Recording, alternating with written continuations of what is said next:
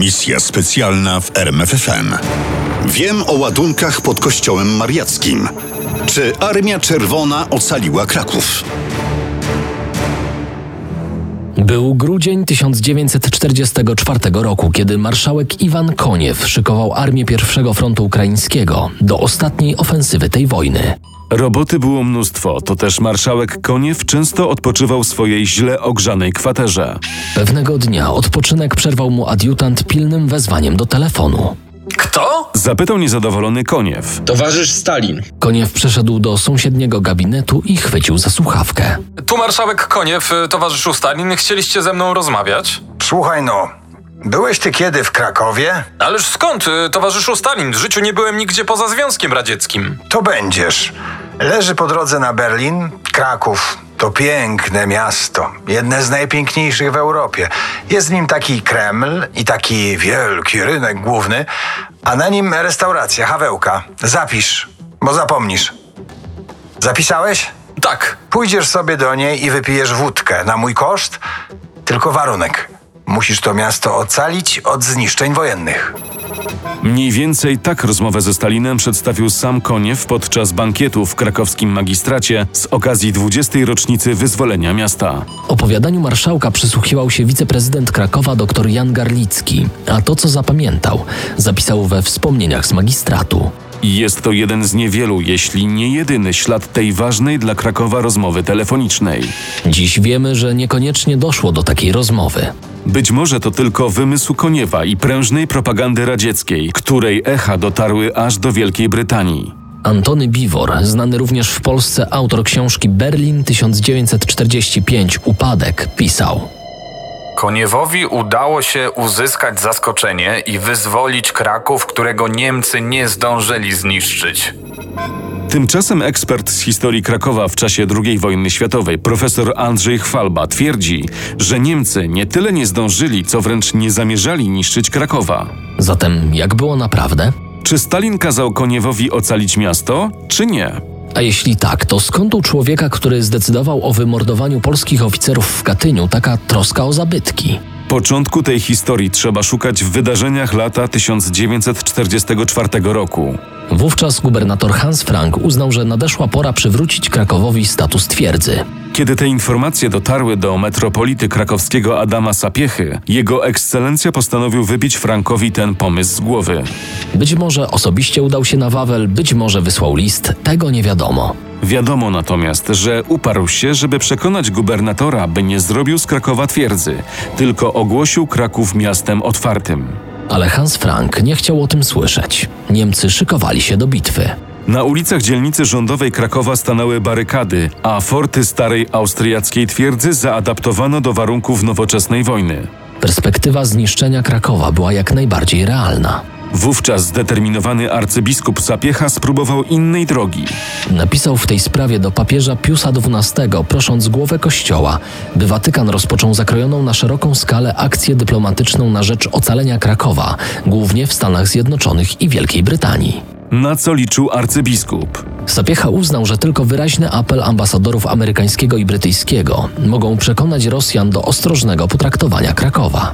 Akcja arcybiskupa Sapiechy zgrała się w czasie z podobnymi apelami prezydenta Władysława Raczkiewicza i rządu polskiego w Londynie. Watykan posłuchał próśb i przedstawiciele Stolicy Apostolskiej przy państwach alianckich dostali polecenie poruszenia kwestii ochrony Krakowa w rozmowach z ministrami spraw zagranicznych. Tak też uczynili. Departament Stanu z Waszyngtonu i Foreign Office z Londynu wysłały do swych ambasad w Moskwie polecenia. Ambasadorowie mają obowiązek interweniowania w sprawie właściwego postępowania wojsk radzieckich względem zabytków artystycznych w Krakowie. Czy ta historia w ogóle miała miejsce? Pojawiają się w niej konkretne nazwiska i cytat z dokumentu. Czy można więc w nią wątpić?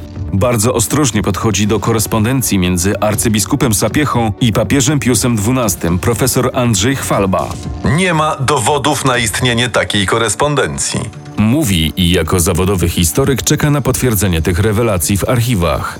Archiwa podpowiadają za to decyzje, jakie jesienią i zimą 44 i 45 roku dostało naczelne dowództwo Armii Czerwonej. W listopadzie wydano armiom pierwszego frontu ukraińskiego rozkaz uderzenia wzdłuż lewego brzegu Wisły i zajęcia Krakowa. Ale tylko w razie sprzyjających okoliczności.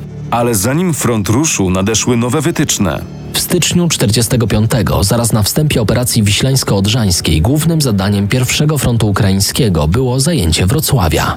Natomiast dwie armie lewego skrzydła tego frontu dostały rozkaz opanowania Górnego Śląska. Wydawało się, że leżący po drodze Kraków nie interesował Koniewa. Lecz były to tylko pozory. Armia Czerwona przygotowywała swoje operacje dość dokładnie, nie tylko na mapach sztabowych, ale również w terenie, który zamierzano zdobyć. Armia Czerwona miała znakomitą sieć wywiadowczą z radiostacjami w Krakowie i okolicy. Nazywała się Jelizawieta Jakowlewna Wołogocka, ale prosiła, aby mówić jej Olga. Obsługiwała radio. Jak zapamiętali dobrze znający ją Polacy, Była to szczupła, niska dziewczyna z krótkimi włosami. Najczęściej nosiła sukienki. W 1941 roku zgłosiła się do wojska. trafiła do szkoły zwiadowców. Przeszkolono ją w obsłudze radiostacji. Wiosną 1944 roku w towarzystwie dwóch innych zwiadowców, Jurka i Hanki, wylądowała pod Krakowem. Skok ze spadochronem był udany. Życie za liniami wroga szybko pokazało swoją brutalną stronę. Jurek okazał się zdrajcą. Trzeba było go zlikwidować, by nie narobił szkód. A dziewczyny Olga i Hanka musiały uciekać i szukać nowego lokum. Znalazły. Najpierw mieszkały w Rybnej, wsi przyklejonej do drogi z Krakowa na Oświęcim. Pamiętam, że nocowałam później na strychu kościoła w Rybnej. Stamtąd też nadawałam radiogramy. Ksiądz nic o tym nie wiedział. Później przeniosły się do Sanki, wsi położonej tuż obok, po sąsiedzku. I tam wpadły w ręce Niemców. Był wrzesień 1944 roku. Hanka trafiła do Auschwitz. Olgę przesłuchiwał oficer Abwehry Kurt Hartmann. Zdaniem profesora Chwalby, najlepszy pracownik wywiadu sowieckiego w Krakowie.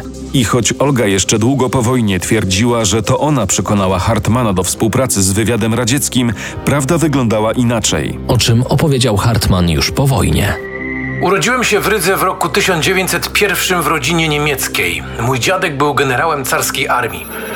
Wychowywałem się na rosyjskiej literaturze. Długo nie czułem się Niemcem. Do Berlina trafiłem dopiero w 1940 roku, pracując dla Abwehry jako tłumacz.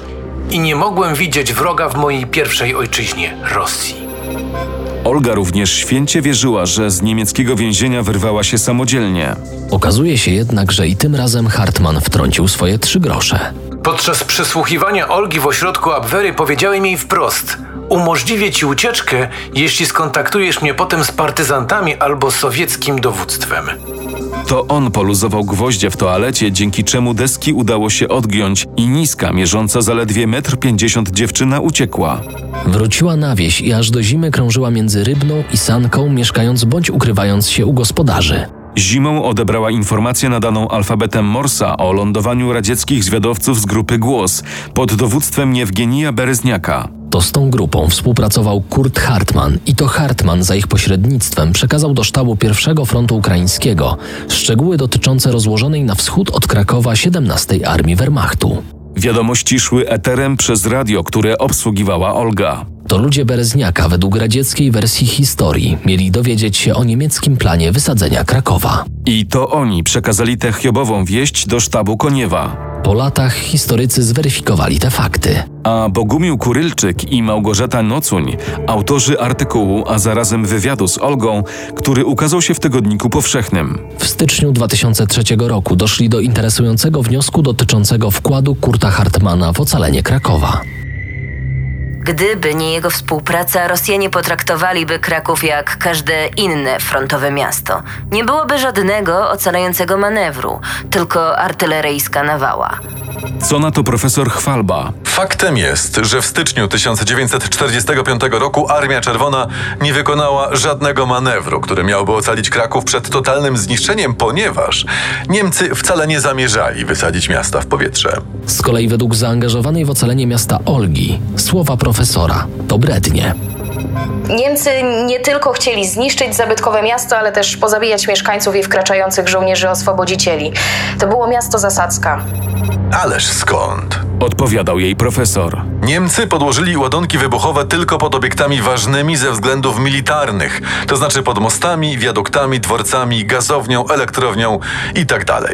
Nie ma całkowitej pewności, bo nie zachowały się dowody świadczące o rozminowaniu, że podłożono ładunki wybuchowe pod skałkę i teatr Słowackiego. Z całą pewnością nie zaminowano rynku, a Wawel był nawet zabezpieczony przez Niemców przed skutkami ewentualnych nalotów. Czy jednak Rosjanie zdecydowaliby się zbombardować Wawel? Dniu 17 stycznia o godzinie 15 po południu padła pierwsza i ostatnia bomba lotnicza na Wawel. Zanotował architekt i konserwator zabytków Adolf Szyszko-Bochusz. Bezpośredniego zniszczenia nie wyrządziła, chociaż wyrwała lej aż do skały. Ponadto w Wawel trafiło około 20 pocisków artyleryjskich. Te jednak nie wyrządziły zamkowi szkód. Tymczasem bitwa o Kraków rozpoczęła się 17 stycznia, kiedy czołgi radzieckie pojawiły się na zachodnich przedmieściach. Po południu 18 stycznia radzieckie pułki były w Łobzowie, na Olszanicy i Kleparzu. Na Stare Miasto dotarły następnego dnia o świcie. Po wyzwoleniu Krakowa, Albo jak to przed niespełna 20 laty określił Leszek Mazan, wzięciu Krakowa do niewoli. Na Placu Czerwonym w Moskwie 324 armaty oddały 24 salwy. a 135. Dywizja Strzelecka otrzymała od Stalina przydomek Krakowska. Czy możemy w ogóle mówić o wyzwoleniu? Może Kraków rzeczywiście został wzięty w niewolę. Grzegorz Jeżowski, kurator wystawy Wyzwolenie czy Zniewolenie w 70. rocznicę bitwy o Kraków, widzi to tak. Nie możemy mówić o wyzwoleniu, a co najwyżej o oswobodzeniu od Niemców i zastąpienia jednej okupacji drugą okupacją, która jednak miała inny charakter. W porównaniu z okupacją hitlerowską, ta sowiecka była łagodniejsza. Czy jednak słowo łagodniejsza oddaje atmosferę ze stycznia 1945 roku? Komendant Okręgu Krakowskiego Armii Krajowej, pułkownik Przemysław Nakonieczników-Klukowski, pisał w meldunku do Londynu.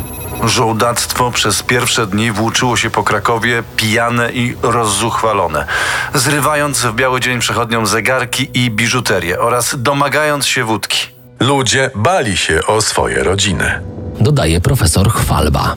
O nieobliczalności tej armii świadczyły kradzieże, rekwirowanie mieszkań, wywózki na wschód oraz zbiorowe gwałty na kobietach i dziewczynkach, między innymi na dworcu głównym w Krakowie, gdzie interweniujący Polacy zostali ostrzelani. Tymczasem o wybrykach tak zwanych sojuszników milczała prasa. Nowe gazety, Dziennik Krakowski i Dziennik Polski prześcigały się w podziękowaniach dla żołnierzy Armii Czerwonej za szybkie wypędzenie Niemców z miasta. Przez kolejne dwa miesiące nikt w Krakowie nie wspominał o niemieckich planach wysadzenia Wawelu i Starego Miasta. Nikt nie mówił o przewodzie, drucie zapalarki prowadzącym od fortu na pasterniku do zapalnika ładunków wybuchowych umieszczonych pod Starym Miastem.